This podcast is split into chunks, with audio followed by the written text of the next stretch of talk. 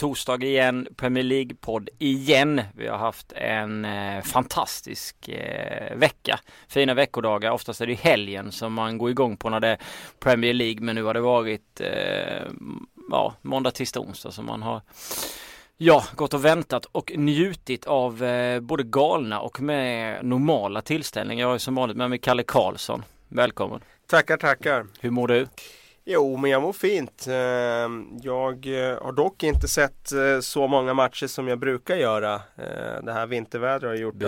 att vi har fått lite otacksamma träningstider. Så igår var jag faktiskt ute och tränade laget i, sent igår kväll när det spelades ja, nästintill full omgång igår. Så att jag missade en hel del. Men jag har kollat igen lite grann, men inte allt.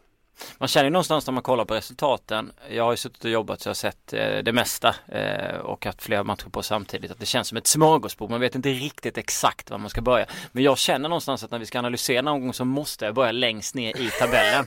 med Aston Villa. Ja. Remi Gard fick vinna en fotbollsmatch. Aston Villa hade inte vunnit en fotbollsmatch sedan den 8 augusti i säsongspremiären. Eh, Borta mot, mot Bournemouth va? Exakt. Mm. Och sen hade det gått åt helvete i fem månader. Fem månader! Du kan tänka dig själv att tränare i fem månader och inte vinna en fotbollsmatch. Och så vinner de nu mot Crystal Palace på hemmaplan. Lescott gör matchens enda mål. Eh, var alltså Ja, det är klart vi tar chansen att snacka om Aston Villa ja, när vi väl får den. eh, alltså grejen är ju det att eh, när man gör ett tränarskifte, vilket Villa gjorde i ett ganska tidigt skede, så brukar det alltid bli någon form av effekt. Den har ju helt uteblivit ja. sen Remigar tog över och det är klart att han måste ju ha känt så här, vad, vad var det jag hoppade på egentligen? Mm. Han har ju fint renommé i Frankrike och eh, när han väl eh, och varit i Arsenal tidigare så, både som spelare så. Men eh, när han väl då får chansen i, i Premier League så hoppar han på det här självmordsuppdraget. Eh, så att eh, för honom måste det kännas otroligt skönt att bara ha den där segern ombord nu. Mm. Eh, visst, det är fortfarande han vill väldigt ha nio, långt Han vill ha nio vinster till också. Det är det ja. som är sjukt. Han har sagt tio totalt liksom. Ja, det är det som kommer krävas tyvärr för dem. De har ju fortfarande så pass få poäng så att eh, de är ju fortfarande avsågade trots ja. att de vinner den här matchen. Och det mm. säger ju någonting om hur dåliga de var tidigare. Mm. Men eh, ja Förhoppningsvis så gjuter det lite nytt mod, eh, blir lite nystart, nytt år eh, och att de kanske då kan ta avstamp och vinna några fler matcher här nu närmsta tiden. För om de återigen nu börjar förlora då, då kommer ju luften gå ur igen. Utan de behöver liksom komma in i en bra trend nu. Det var ju kul att Julian Lescott fick göra mål för att han har ju varit lite ifrågasatt där. Mm, vi har ju redan räknat bort dem. Vi får då se om de lyckas rädda det här. De har ju liksom åtta poäng upp till Swansea som ligger på 17 plats precis över strecket. Sunderland och Newcastle som ligger risigt till och med ändå sju poäng före och tänker man hur lång tid det tar fast de vill vinna en fotbollsmatch då ser det ju fortfarande kört ut. Ja, samtidigt så Leicester låg skrynkligt till i, i fjol och då liksom var de ligans bästa lag från april till slutet av säsongen. Tills nu. Så att, eh, ja, tills nu. Så att eh, man kan inte utesluta någonting. Nej, eh, Crystal Palace, eh, januariformen har jag sett eh, från Alan Pardew i Newcastle tidigare. Den är inget vidare än så länge och vi får se hur, om man får ordning på det. Han har inte gjort mål på ett par matcher nu. Nej, och det, jag menar Bolasi har inte spelat nu. Eh, Nej. och det, man kan ju börja ana att han betyder Mer, väldigt, väldigt ja. mycket eh, i den där offensiven.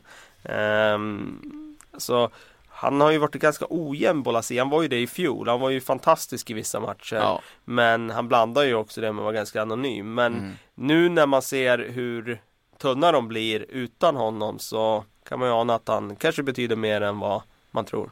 Ja absolut. Det känns som att han gör ett hot där. De har, de, igår spelade, eller i måndag spelade han med Kabaj och sen framför var det punchen Sarko, Zaha, sen var Ledley och McCarthy. Och Kabaj är ju viktig för dem. Definitivt men Bolasi betyder nog mycket, mycket mer. Eh, ja, I alla fall i hotet. Det. det är han som får det att hända framåt. Ja. Eh, med den där speeden och den där irrationella spelstilen som han har. Så ja, eh, känns, måste man ju ändå säga, en sån som Bakary Sakho, han tappar ju ganska fort ja, efter sin jo. fina start. Eh, Zaha det är ju verkligen en sån här varannan dag spelare. Eh, mm. När han har sin dag så är han svårfångad men Han blandar fortfarande. Så ja, Bolasi är eh, viktig för Palace. Sen är det ju fortfarande så att de saknar sin striker. Alltså mm. de har inte den där anfallaren som öser in mål. Och Nej. det tycker jag fortfarande är deras stora problem. Jag vet inte varför de inte åtgärdade i somras på ett bättre sätt än Conor Wickham. Jag vet inte varför de inte har tittat på det till det här januarifönstret och, och alltså nu finns det ju lite resurser i Palace ändå. De la ju, eh, var det 27-28 miljoner euro skulle de köpa Zaha för, eh, eller Sasa i, eh, i Juventus var det väl? Nu fick, ja, det, fick det budet nekat. Så har de de pengarna så borde de kunna hitta en anfallare. Precis. Eh, och Ja, känslan är att de skulle kunna med den eh, hypen som är kring klubben nu och så, så skulle de kunna faktiskt kunna locka in en riktigt bra anfallare. Mm. För jag som Eddie Howe, han köper anfallare som är galning. Eh, fick en bra start också hemma mot West Ham. Men Alltså det är så underbart någonstans att se eh, Paille, han är ju så jävla fin och sen så har du Enne Valencia, båda de bjuder ju på varsin, eh, alltså i särklass fin frispark. Eh, Valencias boll, det är liksom bara upp och så bara dimper ner. Det är alltid kul när, det där, när målvakten inte ens försöker ja, utan de, de står liksom bara och tittar, ah, okej okay, det är kört. Ja det är kört liksom. Ja, är kört. Och sen Paille, liksom den smeker ribban in. Det gillar man ju alltid, ja. då får man ju alltid osökt att tänka på Eric Vinalda i VM 94. Mm. Det är det jag tänker på i alla fall när man, när man får den där Paille frisparken sparken. Mm. Eh, så ja, det är imponerande att de eh, åker dit och vinner eh, på det sättet och att Paille borta under en längre tid, flera månader, kommer tillbaka och sen bara ta avstamp och, och, och, leverera direkt. Ja det är underbart att se någonstans och just att man kan göra två frisparksmål. Man, man har balansen i laget. Vi har pratat om West Ham tidigare. Eh, hur de ställer upp och vi har, vi har hyllat Paille, vi har hyllat Nobel och så vidare. Liksom. Men Alltså de har ändå den, eh, de giftiga grejerna att frisparkarna kan dunkas in och de vänder den här matchen trots ett taskigt läge. Man har tålamod och man har liksom spetsen. I... När, man, när det handlar om just fasta situationer så känns de ju som det starkaste laget i Premier League och då menar jag inte bara nej, att de kan skruva nej, frisparkarna nej. i mål utan även hörnor Huvudspelet och, och huvudspel. Ja. Eh, när de har sådana pjäser som Carroll och, mm. och, James Collins så, så sammantaget så känns det som fasta situationer. Där mm. har West Ham ett vapen som andra lag inte har. Mm. Kan matcha. Eh, men eh... Man förväntade sig kanske att de skulle nicka in två på fasta istället för att de skulle skicka två frisparkar. Det var lite så jag kände när jag Men å andra Samtidigt, sidan... de har ju både och. Alltså man har ju sett jo. dem skruva in frisparkar tidigare ja. och sen att de har så många som kan göra det. Men Enne Valencia gör det, Paille gör det, Lanzini har ju också mm. gjort det. Mm. Cresswell kan göra det. Mm. De har ju liksom fyra fötter där av toppklass som kan mm. eh, eh, ja, exekutera en frispark. Mm. Sen eh, har vi eh, två 3-3 eh, matcher. Eh, får jag bara säga en ja, grej? Skjuta in en grej. Jag fick en fråga häromdagen efter Paille hade gjort mål här. Är Paille Premier Leagues bästa spelare? Jag menar allvar. Nu vet jag att den killen som skrev det till mig är West Ham supporter. Ja.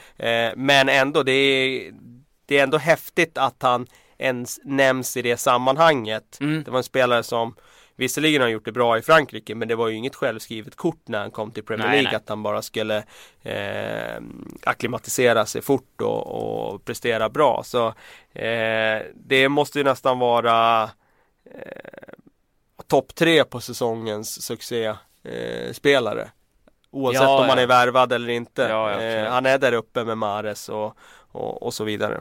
Mm. Ja det var eh, väldigt väldigt bra eh, gjort av eh, av West Ham att plocka in. Vad, vad kostade han egentligen? Vad 12 miljoner pund va? Ungefär den Newcastle ja. nu köpte John Joe Shelby för by the way. Eh, för att eh, ta den summan. Men eh, just Newcastle eh, går vi över till och Manchester United 3-3. För det första så det var så otroligt mycket som chockade mig i den där matchen. Jag satt och följde den eh, givetvis på jobbet. Eh, Manchester United gör två mål i första halvlek. Ett lag som på hemmaplan har haft otroligt svårt att spräcka nollan och var totalt söndersågade mot Sheffield United och har varit det för att vara väldigt tråkiga. Eh, Rooney gör mål. Eh, ja, 11 miljoner pund. Ja, nästan. Mm. Lingard i mål och sen Wijnaldum gör ju mål eh, i den här matchen det kanske är mer vanligt att han äter. Han har gjort rätt mycket mål. Men de gör två mål i första. Rooney gör, gör två mål i matchen. Newcastle gör tre mål och det är straffar och Mitrovic fixar en straff utan att åka ut och han gör mål. Han är kyl. Alltså det är så här helt galen fotbollstillställning. Ja det får man säga och det var ju en match där man väntade sig att det skulle bli händelsefattigt mellan två ja, lite så. taffliga lag. Nu tycker jag i och för sig att om man tar matchen, det var inte två eh, förklaringen till att det blev en underhållande match var inte att det var två kvalitativa nej, lag nej. utan det var, det var tvärtom. Det var två, ja, ja. två svaga lag som eh, gjorde misstag vilket Mm. gjorde att det blev en rolig match. Mm. Eh, men eh, ja, var ska vi börja någonstans egentligen?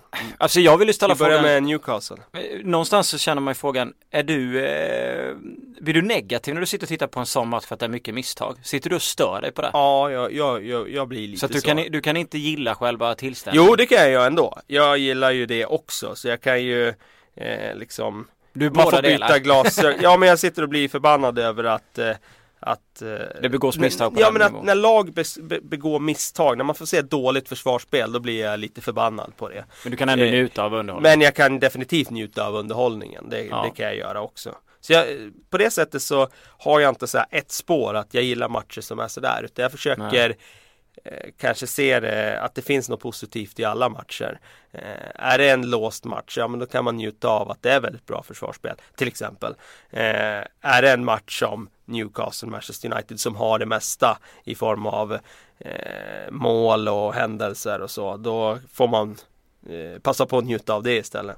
Jag tycker ju någonstans att förra året så satt vi här. Eh, jag vet att Niva var med i studion. Vi var tre stycken och vi satt och klagade över att det hände inte så mycket i Premier League. Det var samma sak hela tiden. Och José Mourinho hade ett sånt jävligt försvarsspel i Chelsea. Och sen får vi de här matcherna på två dagar. Och så ser man ju vad som cirkuleras på sociala medier. Folk diskuterar. Erik Niva sitter och pratar om att det här är engelsk fotboll i, i studion vi har satt. Och jag gillar det någonstans. Jag stänger av det här med det försvarsspelet. För jag tycker att okej, nu kan jag skita i det den här veckan och gilla det liksom. Men det är inte alla som gör det. Eh, men jag förstår ju vad du menar med att man kan gilla, alltså man kan störa sig på det men man kan även uppskatta det. Ja, men, jag, men jag gör ju det, jag uppskattar det ju också. Men jag, det är bara att konstatera, det är inte konstigt att engelska lag inte lyckas ute i Europa. Nej, nej, när de nej. inte är bättre än så här liksom. Alltså, eh, vi se, får ju de bevisen gång på gång. Det är Mm. ingen slump.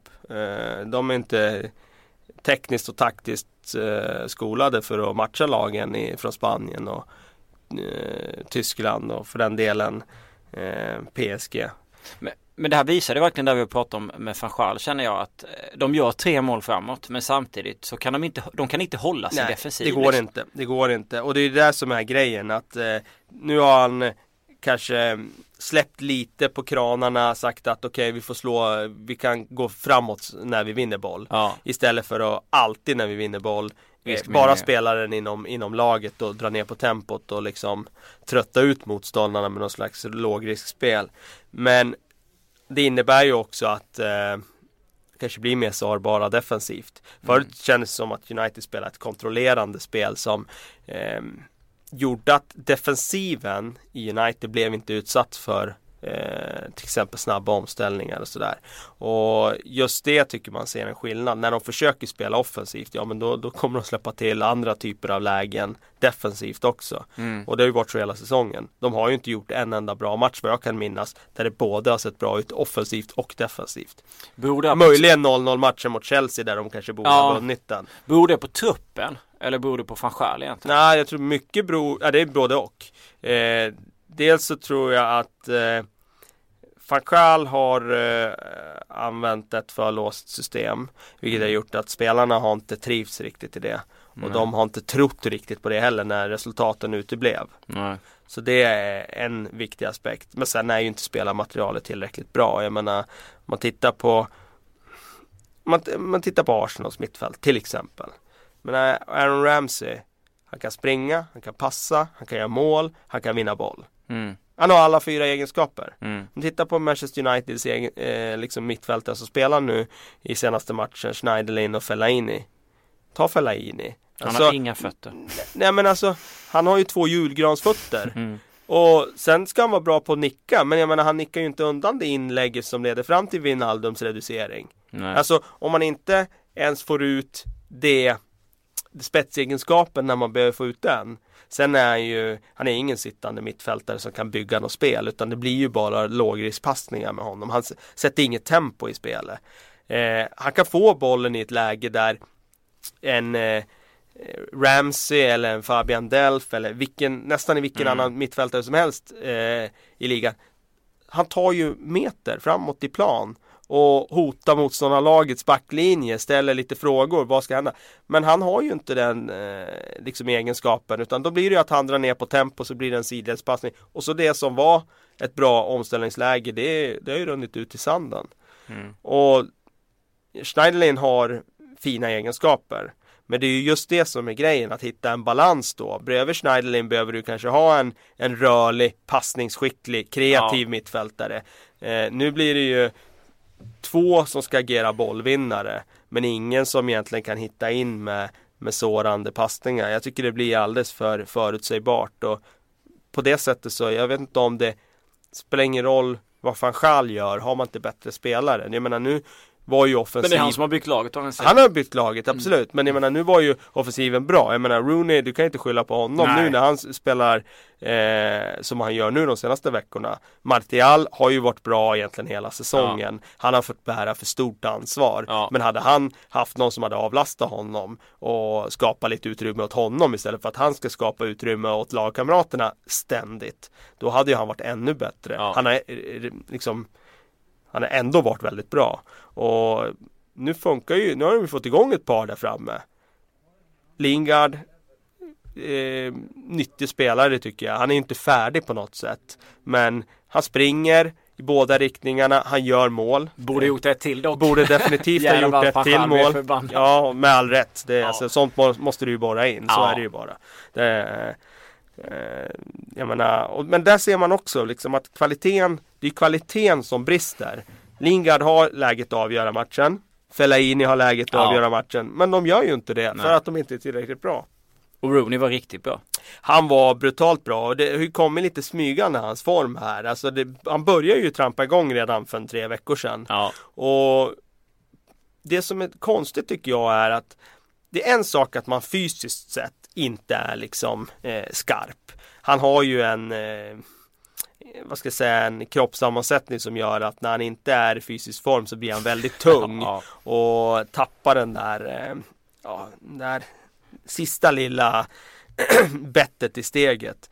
Och, men det jag tyckte var konstigt i höstas, det var att han tappade allt. Hans touch var ju som bort, bortblåst. Han kunde inte ta emot en boll. De här crossbollarna han slår de satt ju inte de heller i höstas. Men nu har ju, ser man ju att hans touch är tillbaka. När han är felvänd nu så suger han ju in bollen och lyckas leverera den till en spelare med samma tröjfärg. Och när han trycker iväg sin patenterade crossboll så senaste matcherna då har den fan suttit på mm. foten mm. där ute. Så han har eh, Han har sett riktigt eh, bra ut nu i faktiskt i ett par tre matcher där man sett att okej okay, nu är han på väg åt rätt håll och det här var ju hans bästa insats han har gjort på på väldigt, väldigt länge. På ett år skulle jag säga. Knappt några mål i höstas. Han har gjort tre, eller fyra på tre matcher nu. Mm. Riktigt klassmål. Eh, det andra han gör mot, mm. eh, mot Newcastle. Ja det där var ju Wayne Rooney för tio ja. år sedan. Ja. Alltså, den där pardonlösa eh, anfallaren som bara, bara smällde till när han fick läget och så satt den i tredje maskan från krysset. Eh, det är ju den Wayne Rooney som man hade glömt bort och som man faktiskt har saknat. Man märker nu när han är bra att eh, man har ju saknat en Wayne Rooney som sätter färg på Premier League. Mm. Ja, jag gillar att se att han är tillbaka och det är så här klassiskt också när Alltså van Schaal behöver ju verkligen att, folk, att spelare vaknar, att folk börjar leverera. Och då är det Wayne Rooney som liksom efter all den jävla skit han har fått rent ut sagt så har, klipper han in liksom några bollar här nu. Det ska bli extremt roligt att se han under, under våren. Och det blir ju också intressant att se Säg nu att uh, Wayne Rooney kommer vara i form, men räcker det för van Gaal? Nej. Alltså kan han ens, kan ens Wayne Rooney rädda van Gaal ur det här? Frågan är ju liksom. Eh, tveksamt. Mm. Uh, att Newcastle släpper in tre mål uh, är väl egentligen inte så konstigt. Det kan hända lite när som helst uh, känner jag. Vilnaldum. Ja. Fantastisk värvning. Framförallt på hemmaplan va? Ja absolut. Det är där han nätar. Han är, alltså det är sjukt alltså. och jämför man då med lägga mot Tau Vance. De plockade in som de nu eventuellt ska låna, till, alltså låna ut till Marseille liksom han nu igen då eh, tillbaka och så har du Wijnaldum som värvades från PSV. Eh, och, alltså billigare och han har ju varit extremt produktiv för dem. Jättenyttig särskilt hemma då liksom. Eh. Eh, lite för bra för att Newcastle ska kunna vara helt ja. trygga nu tyvärr. Ja. Eh, det känns som att det kanske blir någon klubb som börjar titta på Wijnaldum nu. Hans statistik är ju väldigt, väldigt bra. Och mm. I och för sig då så är det den där fyra målsmatchen eh, såklart. Precis, men, men eh, jag tror inte att det kommer spela någon roll. Utan man tittar på, på sista resultatraden som man gör i resultatrapporterna på de stora företagen. Och då kommer det stå att han har gjort X antal mål när den här säsongen är slut. I, som mittfältare. Mm. Och då kommer det vara klubbar som är intresserade. Han kommer ju sluta på säkert 10 mål då. Men det blir mycket pengar. Så är det ju i Premier League. Och det jag gillar ju Mike Ashley. Och så länge vi säljer spelare som gör att Mike Ashley blir nöjd så kanske han sticker från klubben. Och då är det ju en win-win situation. det får man ju aldrig glömma. Um, ja, det var Newcastle, uh, Manchester United. Han har gjort 8 på 21 matcher. Det är väldigt bra som ja. mittfältare. Så han kommer ju sluta på plus 10 mål. Det är lite Frank Lampard på det, på det kom på honom. Ja, faktiskt. Mm, hoppas stark. han kan hålla i det. Ja, det hoppas jag med. Uh, 3-3 2.0. Vi går direkt på eh, Liverpool-Arsenal. Ja. 21-25 minuterna där. Eh, samma sak, det är klart att det är eh, mycket taffliga försvarsinsatser och en Mignolet som Liverpool nästan borde riva kontraktet med istället förlänga det. Ja, de förlängde. Det var, det var ett intressant beslut att de verkligen gjorde det. Det har ju spekulerats i det där redan här under hösten kring ja. liksom vad kommer Liverpool göra på målvaktssidan? Kommer man titta på ny målvakt? Och så var det ju så här snack då om så här, ja men Klopp och Liverpool snackade om att förlänga med Mignolet. Men man tog ju det som en nypa salt. Det kan inte stämma. Nej, kan, kan inte förlänga med, med Mignolet. Men ja, uppenbarligen. Jag vet inte om, om man ska läsa in någonting i det. Att eh, Alltså nu är jag väldigt konspiratorisk här. Mm. Men att de letar efter en målvakt som de vill köpa loss. Och sen säkrar de upp Mignolet på ett långt kontrakt för att de ska bara kunna få lite mer pengar när de säljer han. Jag vet inte. Men det känns jättekonstigt att låsa upp han på fem år. När han egentligen aldrig har övertygat under sin Liverpool-karriär om att han är lösningen för dem. Nej, han... Var, var, det värt att skriva fem år om, om de nu ska leta efter en ny målvakt? Vilket jag förutsätter att de gör och att de borde göra låsa upp en andra målvakt på fem år. Det, det, känns... Men alltså, jag vet inte om de, han höll väl rätt mycket nollor under 2015. Ja, det gjorde han. Eh, jag vet inte om det, det, är, om det är det de bygger sitt eh, beslut på. Men alltså, jag fattar inte heller det. Jag tycker det är jättemärkligt. Eh, med tanke på hans, vi har ju sett det här tidigare. Mm.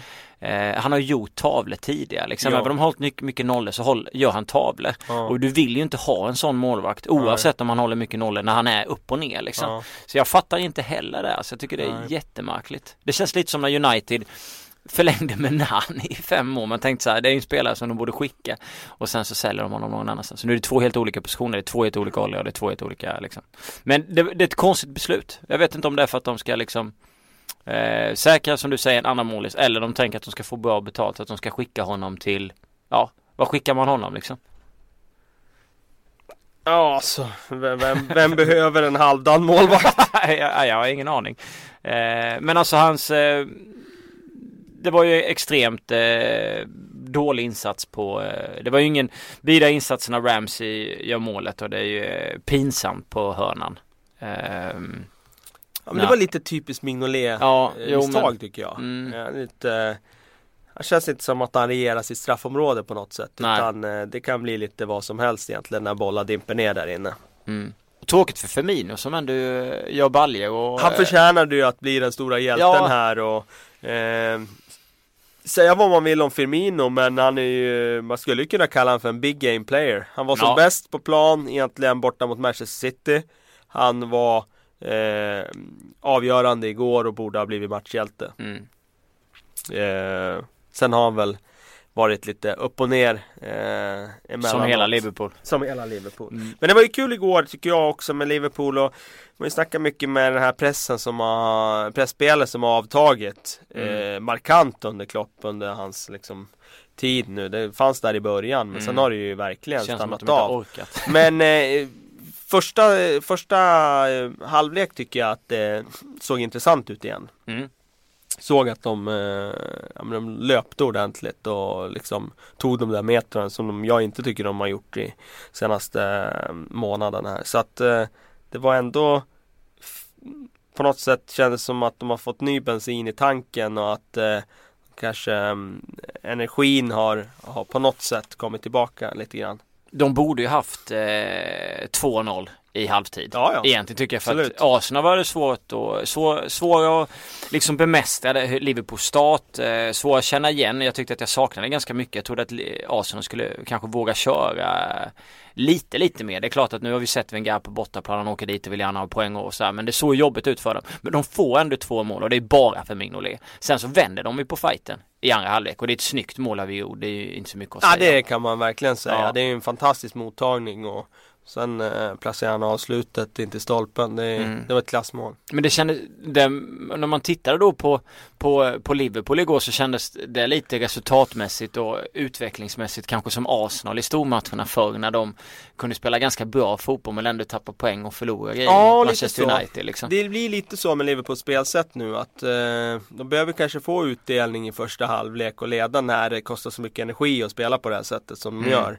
Eh, och de var ju värda det igår. Ja absolut. Det ju ingen tvekan om det, men det är just det där om- man inte får utdelning resultatmässigt då, Mm. då blir det ju jobbigt alltså. Och det kändes som att eh, till slut så får de ändå vara nöjda med en poäng när de kvitterar så pass sent som de gör och det, det är ändå en match där de har dominerat stora delar. Ja. Så sjukt att det målet kommer typ i minut 90 precis som Paul Dummets mål mot Manchester United för Newcastle. De kommer så sent och de ser liksom Det är typ samma slags situationer. Matcherna är ju ganska lika varandra också eh, på sätt och vis. Men sen Alltså, men Arsenal ändå. Alltså när man ser, de tar ju den här, de är nära att ta tre, de tar ändå poäng och eh, de gör det i en, en tuff bortamatch eh, på förhand. Nu har ju Liverpool mycket skador, Arsenal har haft också, men det här eh, tenderar ju att luta mer åt det du har varit inne på ganska mycket om att det känns som att de ska ta titeln den här säsongen när det, när det ändå går det här hållet. eller? Ja, det är väl ingen annan klubb som, som känns stabil. Det är Leicester då i så fall. Mm. Men jag menar Leicester tror vi ju inte riktigt på ska hålla hela vägen. Så att, eh, eh, och jag tycker väl när det gäller City så det är för mycket problem där när det handlar om liksom kompani och hans skada. Hade han varit hel, hade Agüero varit hel, det hade varit en helt annan sak för Citys del. Mm. Eh, men det kan man ju inte lita på i deras fall och då tycker jag att de, det är för mycket, de går på för många minor. Arsenal känns, känns stabilare. Så ja, jag tror inte att de de har knappast haft en bättre chans att vinna titeln eh, Arsenal än så här. Nej, om Mignolets eh, tavla inte hade varit där och de inte haft lika mycket skador, tror du Liverpool hade vunnit gårdag, alltså gårdagens Ja. fight? Det tror jag. Ja, det, Eh, jag tycker Mignolet i det här fallet, eh, han kostar ju dem segern. Mm. För att har du en målvakt som inte gör de där billiga misstagen, då, men då, då leder du den där matchen med 2-0 i paus. mm, Och sen, och sen är det inte mer med det. nej. Då är det trevligt att ha Peter Käck. Ehm, även om han släppte ju givetvis också tre baljor igår. Ehm, och sådär. Men eh, alltså ehm, jag tycker ju någonstans att man ändå kan ta med sig den här veckan som jävligt underhållande samtidigt som man visar i, i Premier League på moll, många håll och kanter att det är väldigt eh, mycket slarv och Ja. dåligt försvarsspel trots så mycket pengar man lägger ut på fotbollsspelare. Det är helt galet egentligen alltså. Men de har ju aldrig varit, eller så ska jag inte säga.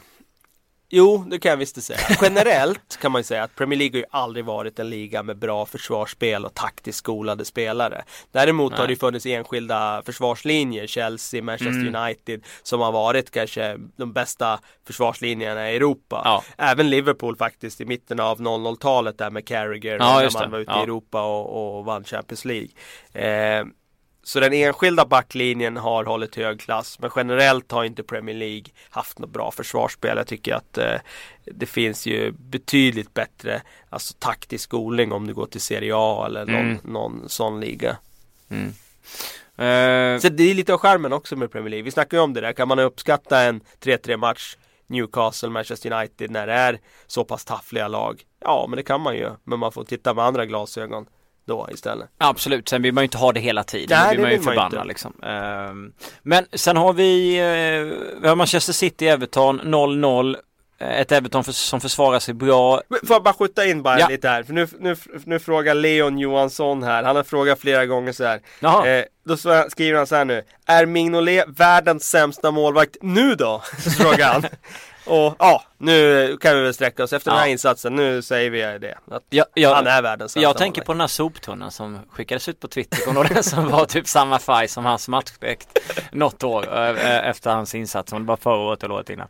Ja. Ja vi får ge Leon rätt där. Att, uh, han har varit rätt ute hela tiden. Han är, han är tydligen världens sämsta mål. Ja, värdelös, värdelös. Ja. Förlåt. Ja det är lugnt, det är lugnt. Eh, Manchester City eh, med, med, bra fotbollsspelare på plan i, igår. Eh, helt klart har ju eh, en intressant defensiv. Även om jag tycker det är roligt när eh, Navas hela tiden springer ner på kanten och kan han inte slå in och så spelar han tillbaka så ser det likadant ut hela tiden. Gjorde ju faktiskt mål häromdagen, veckan i och för sig eller häromdagen. Borta mot Everton ja, det får man ändå ge. Ja det får man ge. Men hur som helst det blir 0-0. Eh, Everton försvarar sig bra. Eh, Pellegrini var förbannad efteråt för att man vill ha en straff när Sterling går ner till vänster i straffområdet. John Stones Eh, kan väl tycka att det kanske var straff. var straff ja. Men ändå ineffektivt, har mycket chanser. Everton hade några chanser också men alltså du var inne på det nyss men det känns någonstans som att även om de har väldigt, väldigt mycket bra spelare i City så är det inte samma han får inte igång den röda tråden riktigt. De ska ju med det här laget som de ställer upp igår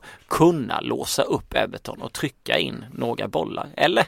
Ja, ett eh, City som mår bra, de vinner ju en sån match. Ett City som eh, spelar på sin högsta nivå, de, eh, de, eh, de eh, städar undan den matchen och tar en uddamålsseger och, och förbättrar sina chanser till att ta titeln. Jag vet inte, nu har inte jag sett matchen igår, jag vill poängtera det. Jag har bara sett det som hastigast, lite grann mm. i repris. Och det jag noterade då, det var ju att Leon Osman var på väg att göra ett eh, van Basten mål.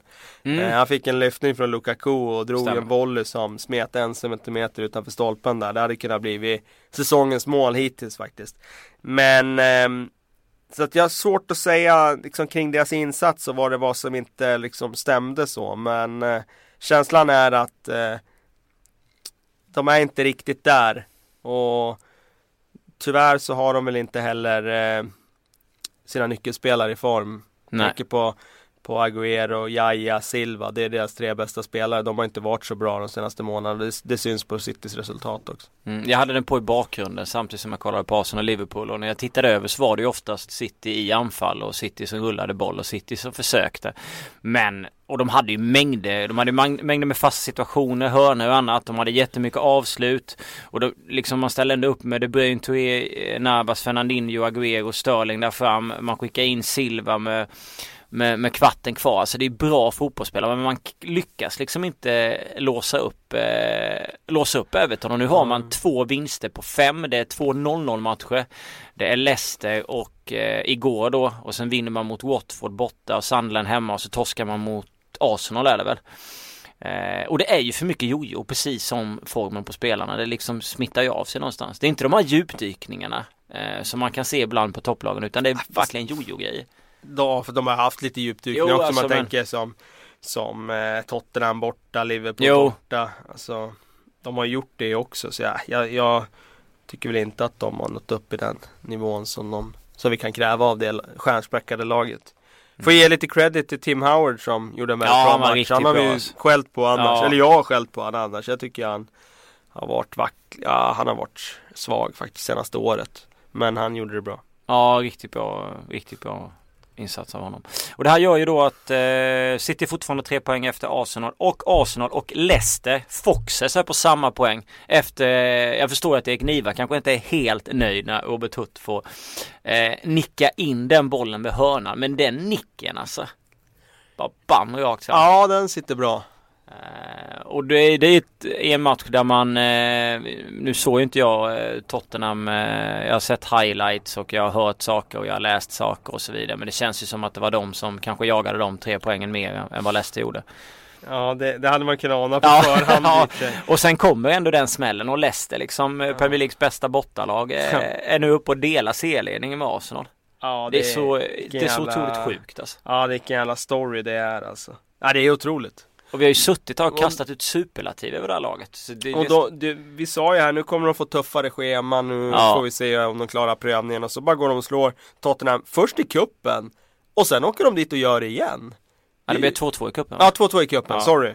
Sorry. De ska möta dem nu i Exakt. Ja. De, de fick ju 2-2 där ja. Eh, exakt. Men åker bort till White Hart Lane och klarar att fixa om spel i kuppen och sen åker dit och vinner. Mm. Eh, ja, det är bara imponerande. Lyftas på hatten. Och nu är det sju poäng mellan Leicester och Tottenham som är på fjärde plats som har CL-platsen. Sju poäng. Nu börjar det bli liksom Skulle det här gå upp på tio pinnar liksom till Champions League-platsen då är det ju nästan så att man tror att det börjar bli klart. Jag tycker ja, det, jag, jag tycker ju att eh, det det är så sjukt det här att det bara rullar på. För ja. man tänkte efter fem omgångar, jag tänkte ja men Normally being a little extra can be a bit much. But when it comes to healthcare, it pays to be extra. And United Healthcare makes it easy with Health Protector Guard fixed indemnity insurance plans. Underwritten by Golden Rule Insurance Company, they supplement your primary plan, helping you manage out of pocket costs without the usual requirements and restrictions like deductibles and enrollment periods. So when it comes to covering your medical bills, you can feel good about being a little extra. Visit uh1.com to find the Health Protector Guard plan for you. Det, det tar slut snart. Och så tänkte man efter 10 omgångar, det tar slut snart. Och så ja. 15 omgångar, det tar ja. slut snart. Men det gör 20 inte. omgångar, det har inte tagit slut än. Nej. Jag tror ju att de andra lagen är för dåliga. Så jag, som jag sa där före jul när vi hade någon podd där vi skulle förutspå där så tror jag att de kan knipa en fjärde plats ändå. Alltså. Ja, det är mitt tips. De gör det för att de andra lagen är inte tillräckligt bra. Och det är liksom mot Tottenham som bara förlorar tre matcher i år. Ja. Och man gör det borta som ett, man är ett fantastiskt bra eh, bortalag. Men nej, jag är extremt imponerad. Det kändes ju någonstans som att det skulle bli 0-0 eller en 1-0 till Tottenham i den matchen. Men så kommer det där målet som betyder så otroligt mycket och nu är det alltså sju poäng. Eh, före Tottenham som är fyra, West Ham femma och sen då Manchester United på sjätte platsen har vi Stoke och Crystal Palace som kommer bakom ett Stoke som vann. Eh, O'Neill gör ju en idiottackling ja, på linjen eh, i Norwich, rött kort och sen så eh, Stoke hade väl saknade väl Shakiri och lite folk igår men vinner ändå med, med, med 3-1. Så det var ju viktigt för dem och sen har vi Southampton som vinner mot Watford med 2-0. Eh, inte så mycket att, ja, det är ganska väntat kanske. Eh, det skulle i och för sig kunnat blivit en skräll också så jag ska inte eh, gå för långt där. Men vi, vi, vi struntar i de två matcherna eh, den här gången och så går vi på Chelsea, West Bromwich. 2-2, ett Chelsea som spelade lite ganska bra fotboll stundtals igår. Eh, men, och leder ju två gånger. Men tappar ändå poäng hemma mot VBA. Ja. Det är ju inte tillräckligt bra alltså. Det är inte tillräckligt bra och det var väl lite det vi var inne på här med Även om Chelsea kanske får en eh, eh, En effekt när man byter tränare och spelar väldigt bra någon match och så Så känns det som att Det är för mycket eh, Problem ändå för att de bara ska ta avstamp och bara vinna, vinna, vinna. Jag tror det kommer bli minor under den här våren och eh, Det här är ett tecken på att det, det är en bit kvar eh, för Chelsea och det känns som att de skulle behöva ha injektioner i form av nya spelare för att de skulle kunna bryta sig loss ur det. Mm. Och jag tror inte det går att åtgärda det för sommaren. Tyvärr i deras fall. Eh, möjligt att de får in en Tekshira här nu då. Eh, från Shakhtar som möjligen skulle kunna lyfta dem lite grann men äh, jag det är, Tyvärr, det är fortfarande eh, stort frågetecken kring dem. Igår så hade ju West Bromwich avsevärt fler avslut på mål till exempel ja. än vad Chelsea hade. Och det är ju inte det Chelsea vi är vana vid och vill se. Nej, eh, jag såg inte hela men, men, eh, men alltså jag blir det är ju lite så här, de hade ju ett fint läge här nu. Då har vi alltså Tottenham som får stryk. Vi har ett Manchester United som tappar poäng. Eh, nu räknar jag på att, att de då ska kanske ska med och slåss om fjärdeplatsen mm. om man har 12 poäng upp. Två poäng Liverpool till. Liverpool tappar poäng. Ja, två poäng till om man hade haft 10 poäng upp istället till fjärdeplatsen. Mm. Vilket inte är helt omöjligt på 17 omgångar liksom. Nej. Med det laget om de bara börjar rulla. Eh, och poängen börjar komma liksom. Så att de skjuter ju verkligen sig själva i foten genom att inte leverera på hemmaplan på Stamford Bridge liksom. Ja, eh, och då kommer det ju säkert komma det här snacket nu med att ja men det blev inget bättre utan Mourinho. Nej men eh, jag vet inte vem som hade räknat med att de bara skulle börja vinna, vinna, Nej. vinna heller. Jag minns inte att någon sa det. Eh, eller ja, någon sa säkert det. Någon tippar säkert det att de skulle gå som tåget nu. Men ja. det kändes som att det är för mycket problem i det där omklädningsrummet för att de bara ska börja vinna plötsligt. Det var en skön bild där på, eller klipp och annat på Diego Costa och Jonas Olsson. Ja, var det några heta duster? Föga överraskande. Ja, exakt. Jag undrar vad Jonas sa till honom. Jag tyckte att det var mycket FU eh, till honom i olika situationer. Eh, fram och tillbaka. Nej, de har ju, de har inte torskat nu på de fem senaste fighterna så att eh, så sett så eh, är det väl inte lika, lika illa för dem. Men de måste kunna ta treorna West, West Bromwich har ju sett rätt bra ut. De har två vinster, ett kryss senaste ja, tre. och det är ju intressant för att eh, jag menar, nu har ju ändå Pulis fått tid här att sätta sin prägel på laget. Och de börjar mer och mer framstå som ganska svårslagna. Mm. Eh, och han är ju Han är ju bra på att skapa struktur och få sitt lag att bli svåra att bryta ner och det känns som att han har lyckats ganska bra bit på vägen nu eh, på kort tid i West Bromwich. Så de känns ju inte som ett lag som kommer ryka. Nej. West Ham är formstark också varit inne på. Crystal Palace är det inte. Watford har tre raka torsk. Eh, ett lag som däremot har två raka vinster. Eh, jag vet att jag som tippare tittade på dem igår för att de gav nästan 4,50. Jag tänkte att Swansea har sålt John Joe Shelby så varför inte spela på Sunderland. Sen befinner sig Jermaine Defoe i offside ständigt under den här matchen och gör ändå tre mål. Men Sunderland har alltså tre vinster. Eller två raka vinster nu. Mm, ja, det är, det är ju det är en annan klubb som har plockat en, en eh, doktor som är bra på att lappa ihop klubbar som inte kanske eh, har, har lyckats med sitt spelsätt. Nej. Alltså eh, Sam är ju lite samma andas barn som Pulis på det sättet och det känns som att i hans fall så kan han bara få lite Få in en bra mittback vilket han kanske får nu med Jan Kirchhoff där mm. Som plockar från Bayern München då kan det bli eh, kan det bli intressant där. Defoe kommer alltid göra mål oavsett vart han är. Eh, ja.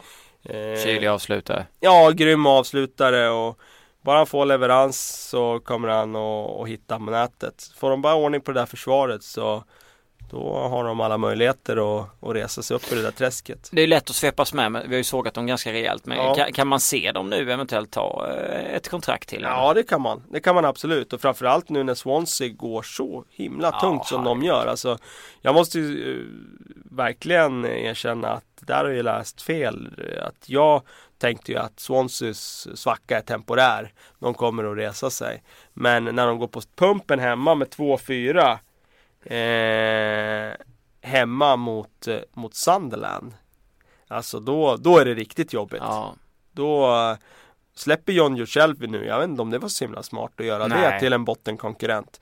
Eh, för mig nu, Swansea, de är i allra högsta grad eh, ett lag som kommer kriga runt det här strecket resten av säsongen. Det handlar om att, bara om att klara kontraktet nu, ingenting annat. Endast 19 mål på 21 Ja, det är otroligt. Det är otroligt. Men, det är, alltså vill ha 17 Eller ja, otroligt ska jag inte säga. För att, som jag sa, jag, jag var aldrig övertygad om Gomis eh, förträfflighet. Han började den här säsongen bra också, men jag har aldrig varit det. Och där måste de ju verkligen göra någonting nu. Här och nu. De måste ha in en striker. Och det är ganska många klubbar som behöver ha in en striker. Jag tycker det är ett återkommande tema på många lag att de skulle behöva en målgörare. Newcastle behöver en målgörare. De behöver en målgörare. Jag tycker även så här som Norwich, jättebra lagbygge. Bra organisation men vad hade de kunnat göra med en striker dessutom? Till exempel. Aston Villa behöver en målgörare. Aston Villa behöver en målgörare. Det är egentligen bara eh. Sunderland som har en i Defoe. ja, de har faktiskt en målgörare. Eh. Sen har vi Cherries Bournemouth som har varvat. De har väl sex strikers nu eller ja, sju? men ingen är tillräckligt bra. det är det som är sjuka. Med det. Afobe köper de för asmycket pengar liksom. Snacka om kvantitet före kvalitet. Ja, det är Iturbe, King och alltså. Joshua King har du, Glenn Murray har du, du har Callum Wilson som är deras ja. stjärna och deras pålitliga ja, målgörare på skadlistan. Och så varvar de in Afobe som inte har gjort tillräckligt mycket mål i, i Wolverhampton, jättedyrt. Det var väl ja, det var 12 miljoner pund eller Ja, det är rekordköp för dem var det väl. Ja. Så att ja, det är liksom Sen det här röda kortet eh, som Swansea åker på igår var Den här höga sparken var väl kanske lite tufft. Det skulle väl kunna vara ett gult eller? Ja, jag har inte sett den än faktiskt. Nej, men där står det ju 1-1. Sen gör ju Ajev det här eh, fina målet som de går fram till 2-1 men sen så tappar de ändå. Och så det är ju det är mycket oflytt också med de här. Defoe är ju offside nästan två, två av tre mål va? Tror jag. Ehm, um, för mig om inte jag minns fel på, på highlightsen igår. Så det är tuffa smällar. Men nu möter man Watford hemma.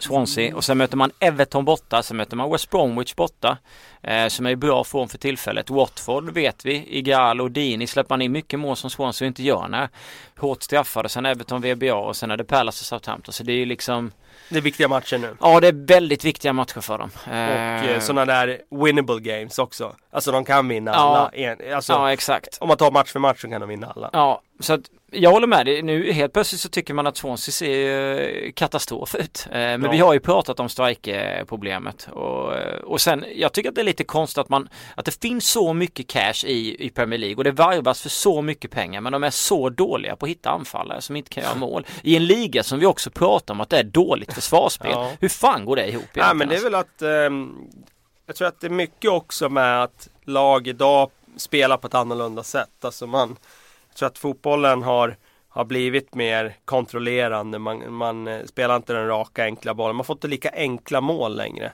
som man fick förut. Och Det tror jag också har påverkat anfallarnas vardag. De ska spela mycket ensamma där uppe, mm. felvända. Papi Cissé. och det, de, det är svår roll att hantera idag helt enkelt, mm. att vara ensam anfallare.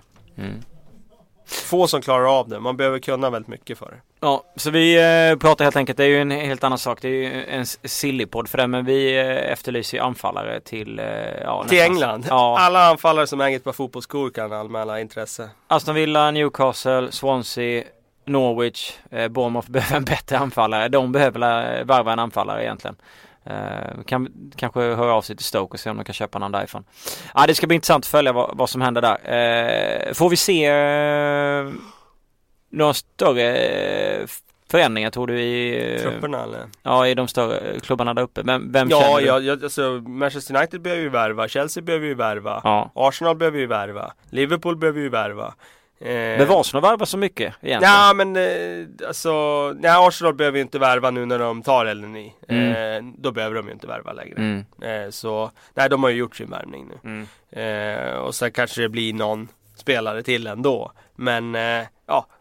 Ehm, de andra klubbarna i alla fall där uppe, de behöver ju värva. Mm, vi får frågor här, vi kan väl gå från från en rejäl eh, omgång, genomgång av eh, Premier League till lite frågor. Vi ser givetvis fram emot söndagens fight mellan Liverpool och Manchester United. Jag vill ha tips av dig innan vi går vidare i den fighten. Vad slutar den? Säg inte 1-1, det är så tråkigt. 0-0. 0-0. Eh, vi går till eh, El, El Neny heter han väl va? Ja. Eh, nya värvningen. Jag, jag såg någon fråga, jag kommer inte ihåg exakt. Eh, ni får skylla på mig i så fall på. Jo, det var Sebastian Trampus. Eh, han frågar i och för sig om han kommer presenteras fem minuter efter, men han är väl också intresserad av att veta vad vi tror om den värvningen i Arsenal sett honom alldeles för lite men jag tror att det är en spelare, vad jag förstår, jag har sett lite klipp och sådär. Vad jag förstår är det en spelare som kombinerar både passningsskicklighet och fysik. Och det känns ju som att det är en väldigt viktig eh, spelare att få in för Arsenal för att eh, det blir alltid ett frågetecken kring det centrala mittfältet. Jag tyckte Flamini igår räcker inte riktigt till. Nej. Eh, och jag förutsätter att Elneny kommer komma in direkt här och, och, och, avlasta på det där centrala mittfältet. Och fram till att Coquelin kommer tillbaka och tills han är matchfit så kanske det är den där brickan som kommer att eh, göra att Arsenal eh, klarar att hålla ifrån där uppe i toppen. Mm. Johan Nilsson skickar in eh, och undrar eh, om Chris Smalling. Jag får lite mail. Jag tycker att jag kan lyfta upp dem lite då och då. Han undrar om han verkligen är så pass bra. Han ty ja, jag tyckte att han alltså- var bättre i, lite tidigare under säsongen än vad han är nu. Alltså i, i höstas om man tittar på de första 15 matcherna i princip så satte han ju inte en fot fel. Han vann varenda närkamp, vann varenda luftduell. Och tyckte då också att han såg väldigt mycket bättre ut i spelet med boll. För det har ju varit hans stora problem tidigare. Eh, så eh, då var han ju så bra. Jag, jag, tycker väl inte han har visat samma form de senaste eh, matcherna. Samtidigt så tycker väl jag att eh, om man tar matchen mot Newcastle så menar, straffen där som man får emot sig det, ja, det är sånt som kan ske. Eh, han borde inte ha brottats så mycket Nej. som han gjorde. Samtidigt så till slut så kändes det som att båda brottades ganska mycket. Eh, Tycker du man skulle ha friat istället? Nej, det, det, var ju han som började brotta så jag tycker det var rätt eh, att blåsa mm. straff mm. och jag gillar ju att man börjar blåsa straff för det där för att det är enda sättet att få bort de där brottningsmatcherna. Ja. Eh, men man har ju sett den typen av brottningsmatcher där båda brottas där det inte blir någonting. Ja exakt. Eh, och eh, han, han, han har, det jag tycker framförallt han har tappat lite grann nu sista veckan och det kanske hans spel, uppspelen har blivit mm. lite sämre. Mm. Förut så gav han bollen till Blind och lät han sköta de svåra passningarna. Mm. Vi har fått en fråga från Simon Karlsson också, mail även där. Eh, hur tror ni att lag som Celtic och Glasgow Rangers ställer sig för att flytta över till det engelska ligasystemet? Swansea Cardiff från Wales spelar redan där och borde inte då lag från Skottland också se över möjligheten att byta? Eh, dessutom tror ni att Celtic är tillräckligt bra för att spela i Premier League och vilken division hade Glasgow Rangers hamnat i? Eh. Rangers hamnas väl i Championship eller? Ja, men alltså den där debatten har ju funnits länge, men den var ju som mest aktuell egentligen i, i början av 20, eller mitten av 00-talet när Celtic och Rangers ändå var stora klubbar ute i Europa mm. som prenumererade på Champions League-spel och som ändå gjorde avtryck där ute. Eh, då var de ju helt överlägsna i Skottland. Men jag tror att problemet är att tar du bort dem från skotsk fotboll så dödar du skotska ja. ligan. Och det tror jag inte det finns något intresse av varken från Celtic eller Rangers att göra heller. Nej. Det är klart att för dem så hade det varit eh, häftigt att ta steget till England och spela där men det hade dödat den skotska fotbollen och det hade inte gynnat dem. Nej. Mac Larsson. Eh, jag tror båda hade legat på under halvan i, i Premier League dessutom. Ja, jag tror att de hade, Rangers hade funkat bättre i Championship eller ännu längre ner kanske. Eh, Mac Larsson pratar om, eh, eller skriver in om Kasper Schmeichel. Eh, hur bra är han egentligen? Peter flyttade till United när han var 28, Kasper är nu 29. Kan han någonsin komma i närheten vad hans far uträttade? Nej, det är nog svårt eftersom eh, Peter ändå blev den allra bästa då i världen och mm. en av de bästa under hela det decenniet i, i fotbollsvärlden faktiskt. Men eh, det man ser på Kasper är ju att han verkligen har utvecklats från den där lite valpiga keepern som ja. kom fram i Manchester City. Han eh, är definitivt topp 5 i Premier League den här säsongen. Det är ju inget snack. Eh, så att han har ju eh, Han har etablerat sig som en riktigt bra Premier League-målvakt och det är väl bra nog. Mm. Istället för, alltså Det blir ju alltid de där jämförelserna med hans farsa och det det är jobbigt för honom såklart. Ehm, säkert Sluta ofrånkomligt också. Ja. Men eh, eh, han har i alla fall eh, eh, skaffat en egen karriär nu där han eh, ändå gör avtryck i, i en toppliga. Mm. Arsenal har presenterat Mo Mohammed El Neny på eh, deras hemsida. Fin bild, härligt hår. Jag gillar han redan. Ehm,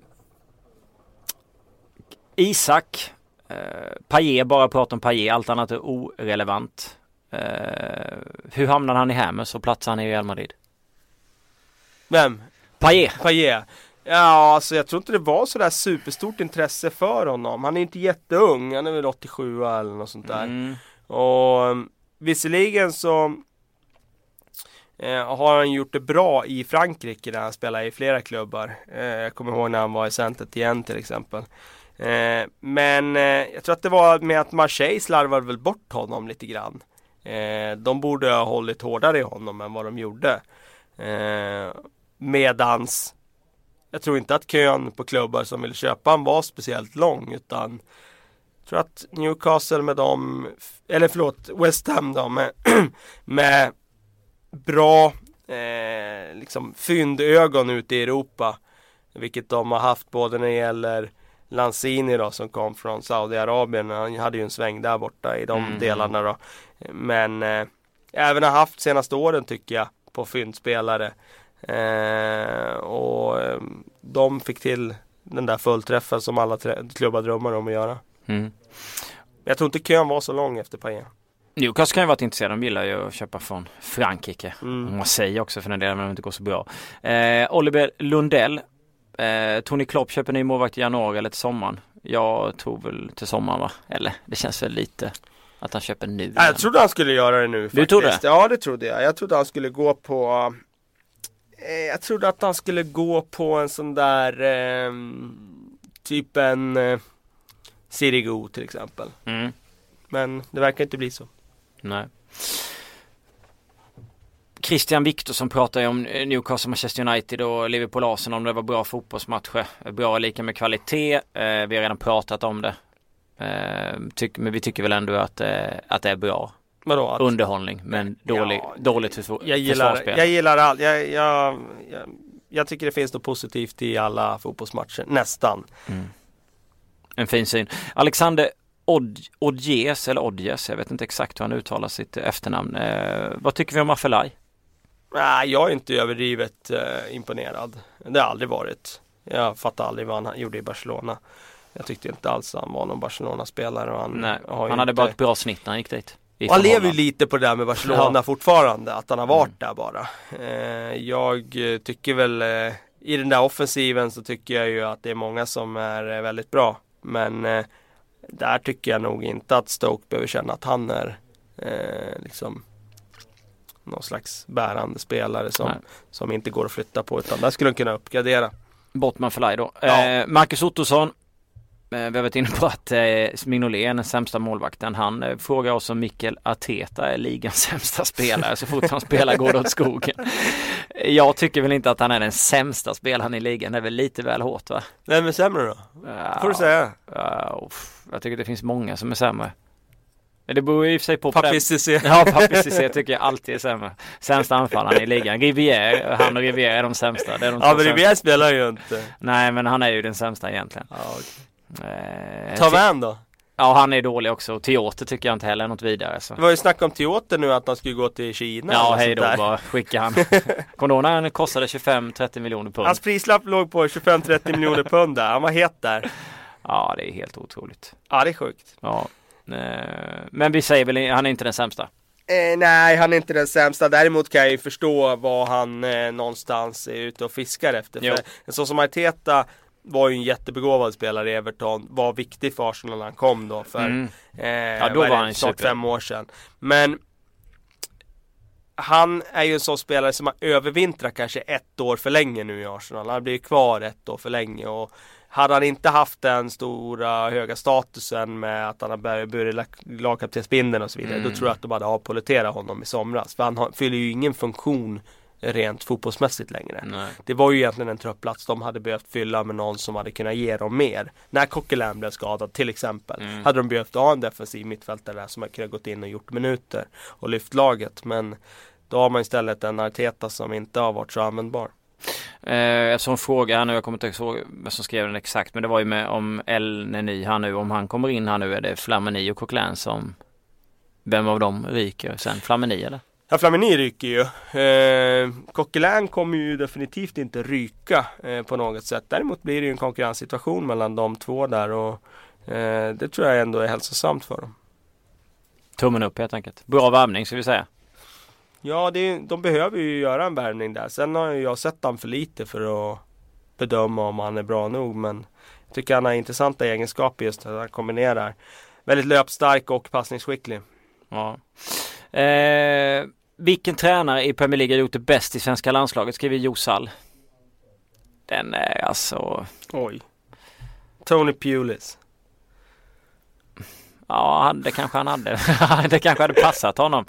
Vi har ju liksom inga... vi har inga stjärnor. Vi har inga Claudia Ranieri typ. Alltså vi, vi, vi har ju en stjärna såklart. Ja. Eh, givetvis. Men det jag menar är att eh, vi har inget stjärnspäckat lag där man kan liksom eh, tro att man kan eh, spela. Ja då, är det ju, då blir det ju Tony. Ja då blir det ju de här tränarna som eh, någonstans satsar på organisation och så. Det, jag, jag tycker ju det är så det svenska landslaget ska spela. Det är då vi är som bäst. Det är bara att kolla på de här kvalmatcherna mot Danmark nu. Nu spelar vi, hade vi inget eh, liksom ambition av att spela någon champagnefotboll. Utan vi spelar rakt och enkelt och då var vi mycket bättre än vad vi varit annars. Mm. Vem i Premier League är den största ledaren utan att vara kapten under Hampus Nilsson? Oj, ja den är svår. Den är ja. sån där man vill fundera på lite grann innan. Den är väldigt svår. Uh, har vi någonting att komma med? Bra. Ja, inte på rak arm sådär. Faktiskt inte på rak arm. Nej, jag kommer inte på sådär. Nej, vi får, vi, vi får ta Vi får ta återkomma med den Hampus. Ställ gärna den eh, nästa vecka igen. Det, det är inga eh, konstigheter alls va? Att få tillbaka den. Sämsta och näst bästa frisyren i årets Premier League efter Leighton Baines. ja, Leighton Baines är fan den sämsta alltså. Ja. Uh... Ja, bästa det är väl nästan fälla in igen då. Ja, alltså, det, är väl där han, det är väl den kategorin han är bäst. Ja, han har ju haft den länge. Ja, jo. Han har haft den Men även om han har haft den länge är den inte fortfarande den bästa. Jo, han är ju vacker med den alltså. Den är ju fantastisk. Uh, det är svårt att liksom plocka någon annan som, som slår den. Uh, som slår det underbara håret liksom. Sterling har ju lagt sig till med en eh, kalufs mm, nu. Ja, den är speciell. den kan vi gilla också men jag tycker ändå att Fellaini kan eh, få vara kvar på den platsen. Okej. Okay. Mm. Och sen har vi då Fredrik Halleström som tycker att Chelsea bara kopplar ihop med gamla rävar som Adebayor och Lavetzi. Att han blir sjukt ledsen över det. Eh, det är lite svårt för oss att kanske berätta varför det är så men det är inte säkert att det bara är så å andra sidan att de bara jagar de gamla rävarna. Det kan nog vara folk som de jagar som vi inte får läsa om. Så är det nog och det blir ju ganska ofta så att de här tidningarna som håller på och spekulerar tidningen, de, de kopplar ju ihop med de här kända namnen och mm. drar dem. Det är det första de gör. Ja liksom. absolut. Adebayor inget kontrakt. Ja men vad fan vi placerar honom där liksom. Ja. Hade han gjort succé i Chelsea? Nej det tror jag Lavetzi då?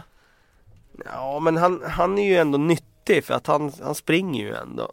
Så att eh, att de hade gjort nytta i Chelsea så men jag tror han hade ju definitivt eh, kunnat Han hade inte lyft dem men han hade kunnat vara nyttig, så ska jag säga. Ja, Jimmy Emilsson, var befinner sig Watford när säsongen är över? Eh, Lag nummer 11? Nej, jag tror, nej, jag tror faktiskt att de befinner sig på den eh, sist, från 14 och neråt. Du tog de gamla så pass långt? Ja, det tror jag. Ja, jag säger 11 kallar sig 14. Eh, 15 kanske. Daniel Fjort, fj ja, Nej men lugn alltså. 14 neråt. Tjej, det finns så jävla många dåliga lag. Det är det som är det, är det, ja. som är det sjuka. Man tänker att de borde inte vara högre. Nej. Men det finns så jävla många dåliga lag. Ja det är ju det. De har inga anfall och de har ju ändå en ja, de som har är ju, Ja de har ju, ja, nej säg 12. Eller 2 12 eh, Daniel Kristiansson, viktig fråga. Borde inte härliga Ipswich Town lira i Premier League? ja, Kristiansson, han, han gillar sitt Ipswich. Mm. Eh, det är klart att Tractor Boys borde lira i Premier League. Ja, jag tycker det definitivt. Fantastisk, eh, fantastisk eh, klubb eh, att följa med mycket fina spelare och just att de kallas Tractor Boys tycker jag är fantastiskt efter Bara att det smeknamnet vill vi ha tillbaka. Ja, lite så va. Eh, och det är redan folk som har svarat att det givetvis ska vara ett eh, givet yes. Och sen Ma Martin H Håsmar eh, ställer en fråga som får mig att tänka på Chelsea och Mourinhos ofta klagomål på straffar. Varför får City inga straffar med sig? För man jag vet inte. Nej, det, jag vet inte. Um, det var väl någon straff här nu då som de var missnöjda med. Jag, jag vet faktiskt inte eh, om, det var, om de har haft anledning den här säsongen att känna sig extremt förfördelade. Jag vet inte det. Har du den uppfattningen att de har blivit blåsta på, rånade på massa straffar den här säsongen? Jag tycker att man eh, tidigare bakåt, eh, när de har varit kanske stort vassare och så vidare, så har det känts som att de ofta får straffar. Så jag har alltså Sen vet jag inte om de har haft så många lägen den här säsongen. Det är klart att de skulle väl haft det nu och det är väl kanske Men det därför man tänker som, på det. Jag liksom. menar det finns ju alltid hans situationer och sådär. Ja, som jo. går. Det är säkert sådana situationer. Men Raham Sterling nu kunde ju lätt vara Ja det hade absolut. Ja, och det är väl ingenting konstigt och då blir det väl någonstans att man eh, eh, tänker på det liksom. Bara för att liksom. Kanske. Ja. Eh, Marcus Bergman pratar om Fellaini, vi har pratat om honom tidigare, vi har sågat honom, vi har berömt hans hår men sågat hans kvalitet. Vad gör Fellaini i United startelva? Vad gör han ens i truppen? Vad gör han ens på fotbollsgalan? Eh, fotbollsplan! På fotbollsgalan? Ja det har varit intressant ja, eh, fotbollsgalan, ja, den svenska fotbollsgalan. Läste helt ut pris kanske. Fotbollsplan. Oduglig. Eh, kan det vara så att Fellaini har gjort sitt United? Ja det borde han ju ha gjort. Eh, Skicka iväg För länge sedan men eh, Ja, du, du ska ju ha en köpare som ska acceptera den där höga lönen han har. Vem vill betala det... för Fellaini? Ingen. Ja, men det är klart att det finns sådana lag men West Bromwich ja, Stoke? Men alltså, ja absolut. Och det är det som är grejen. Det är, det är där han ska vara. 8 miljoner pund? Ja, något sånt. Typ? Något ja, sånt. Då har vi slagit fast det. Han är inte jätteung, det är det som är det sjuka. Han är väl 87 eller något sånt där. Gustav Niläng frågar, var gömmer sig Kevin Nolan? Fan vad jag gillade Kevin Nolan. I, i, Newcastle under, under Sam Allardyce säng. Gömmer han sig. Kolla i Allardyce garderob. Är det en spelare som platsar i Premier League enligt dig? Nej. Bara i en Sam Allardyce 11. Det är bara Big Sam som vill ha honom. Så att jag trodde att Sunderland skulle köpa in honom. Mm. En eh, fråga som du får eh, nu Kalle innan vi slänger av den. Det kan kanske ta lite tid, den kanske är för svår. Eh, Anton Johansson, skulle vara kul att höra tre hyllningar och sågningar av en spelare, match, insats, manager eller lag. Oj! Vi kan ta en av varje. Hylla en spelare. Ja men då måste man ju hylla eller måste och måste. Men jag hyllar faktiskt eh, Bournemouths högerback Anna Smith. Han var ju inte ordinarie när säsongen började. Men eh, Simon Francis var tvungen att gå in i mitt försvaret så han spelar högerback här den senaste eh, ja, senaste tiden och han har gjort det väldigt, väldigt bra. Så Adam Smith, Bournemouth, eh, väljer jag att hylla. Eh, Såga en spelare. Såga en spelare. Eh, Ja, alltså det finns ju många man skulle kunna såga. Memphis men... Depay. Ja, nu har ju han gjort två lyckade inhopp här då, får man väl säga. Han fixade en straff här i kuppen och han var ju med i upprinnelsen till Wayne Rooneys eh, kvittering, eller ledningsmålet, 3-2 målet där mot Newcastle. Men eh, bara att han sitter på bänken och inte startar matcher gör ju att man kan såga honom. Han, eh, han har ju varit en eh, gigantisk besvikelse den här säsongen. Hylla en match. Vi hyllar eh, Newcastle Manchester United för en fantastiska eh, underhållning. Så kan vi såga matchen samtidigt för det är otroligt dåliga försvarsspelet. ja, och de alla misstag. Ja, det är bra. Då gjorde du det åt mig. Ja, det, lite så. Det var ju det jag menade med den matchen. Ja, eh, hylla en insats. Spelarinsats? Mm. Nej, men Özil här om veckan här som när, eh, var det Bournemouth hemma de hade? Det var det ja, väl va? han var, han var brutal. Mm. Eh, den insatsen är sån där som man har på näthinnan fortfarande. Såga en insats? Ja, alltså det, det finns ju så många. Man Simon att, Mignolet igår kanske? Ja, men alltså Mamadou Sakho borta mot Watford. Det var, det var ah. smärtsamt att se. Det var ju synd om Sakho då, för han var ju inte riktigt fit for fight. Men alltså, eh, det, det, var faktiskt smärtsamt att se. Han, eh, han blev förnedrad där borta då. Hyllan manager. Ranieri. Det räcker gott och gott. Verkligen, alltså det är bara att lyfta på hockeyhatten och, och buga sig dubbelvikt. Han eh, eh, har tagit vid ett Leicester i en situation som kanske inte var så himla lätt efter det som skedde där i somras med Nigel Pearson. Att han fick gå populär som han trots allt till slut blev i Leicester, Nigel Pearson. Eh, jag tyckte att det var ett, eh, fanns en osäkerhetsfaktor kring Leicester då och det var därför jag tippade dem långt ner i tabellen. Och Eh, bara att han liksom eh, fått den organisationen som han har fått i det där laget. Defensivt så är de så otroligt tajta och, och disciplinerade. Det, det är imponerande. Sågar manager, då får inte vara van Schaal. Eh, en manager som ska sågas. Ja det är, det är svårt alltså. Ja det finns väl många. ja men vem då? Eh, jag skulle kunna såga Steve McLaren. Ja, jag förstod det. Eh, jag kunna, Otippat att du skulle dra upp honom. Eh, skulle kunna men såga... men okej, okay, om vi tar McLaren då. Tycker du att han har material som gör att, uh, att de ska ligga, uh, att de ska vara så jävla bra? Inte så jävla bra, men jag tycker att han har material för att ligga högre upp i tabellen. Än, men vad, vilka har han som är bra? Nej, jag tycker Centralt att... mittfält är ju för dåligt.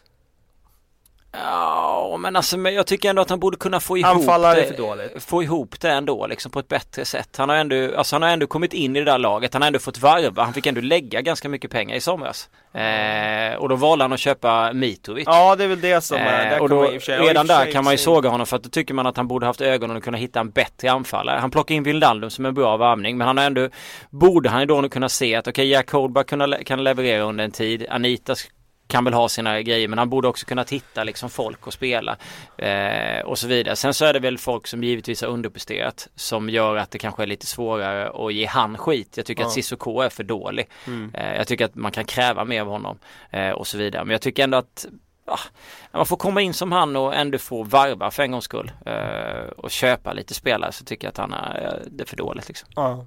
Ja men då fick du såga McLaren. Jag köper det i och för sig att eh, köpet av Mitrovic, det var ju, eh, där gick man fel. När man lade de pengarna. Och man hade behövt en anfallare som hade kunnat leverera direkt. För det här kan ju bli kostsamt för Newcastle. Ja, Även om Mitrovic kan vara bra på sikt så ja. kan det ändå bli kostsamt den här säsongen att man inte fick in den anfallaren som levererar direkt. Sen är det, ska det ju vara liksom en, en manager ska ju kunna få fram saker av spelare och han har inte fått det av vissa jag tycker har en hög högsta nivå liksom. Som? Alltså Tiote ska ju vara en bättre fotbollsspelare. Sissoko ska ju vara en bättre fotbollsspelare eh, och så vidare. Tauven är ju inte det. Han är ju Han har ju någon mental block som gör att han inte är tillräckligt bra och så vidare. Det var en annan värvning som kanske inte var helt klockren. Ah, herre jävla alltså. Eh, och sådär. Och det var det... den spelaren vi skulle ha sågat. Ja, den spelaren skulle vi ha sågat. Så att jag, jag känner någonstans att han mittfältet där, eh, Sim de Jong har väl haft sina skador och, och, så vidare och jag tror inte att han är tillräckligt bra för, alltså för att spela liksom. Jag tycker inte att han håller den nivån. Eh, de måste rensa en del där liksom. Men jag tycker ändå att man borde ändå kunna få fram, tycker inte att laget är så jävla dåligt så att man ska ligga under strecket liksom. Eh, sen är det klart att vi hade haft kanske enklare och, och, på ett sätt att kanske såga Monk för det han har gjort med Swansea för att någonstans förväntade vi väl oss att han skulle uträtta bättre grejer och han har väl också haft tid att, att bygga ett lag som nu liksom mm. brast så att han kanske ska ha mer skit någonstans än, än, äh, än kanske McLaren. Monk och McLaren alltså. Ja, skjut ner dem bara. Eh, och sen då eh, vill han att vi eventuellt också sågar och hyllar ett lag. Oj! Ja men vi sågar ju Aston Villa, det, så blir det ju. Även om de vann senast så det de har presterat den här säsongen det har ju varit under all kritik. Eh, det är ju pinsamt att ligga där nere i botten och vara avsågade när inte ens halva ligan är spelad. Mm. Så det är ganska enkelt. Hylla ett lag. Hammers. Ja, det kan vi ta. De har inte fått kanske tillräckligt med hyllningar tidigare men de har eh, slagit ett hop av borta, eller topplag på bortaplan. Bara ja. där ska de ha sina hyllningar. Men sen hakar de ju faktiskt i och, och hotar uppåt eh, mot Europaplatser och det är riktigt starkt gjort. Mm. Nästan 70 minuters podd. En fröjd för de som älskar Premier League. Jag och Kalle tackar för oss och önskar en trevlig helg.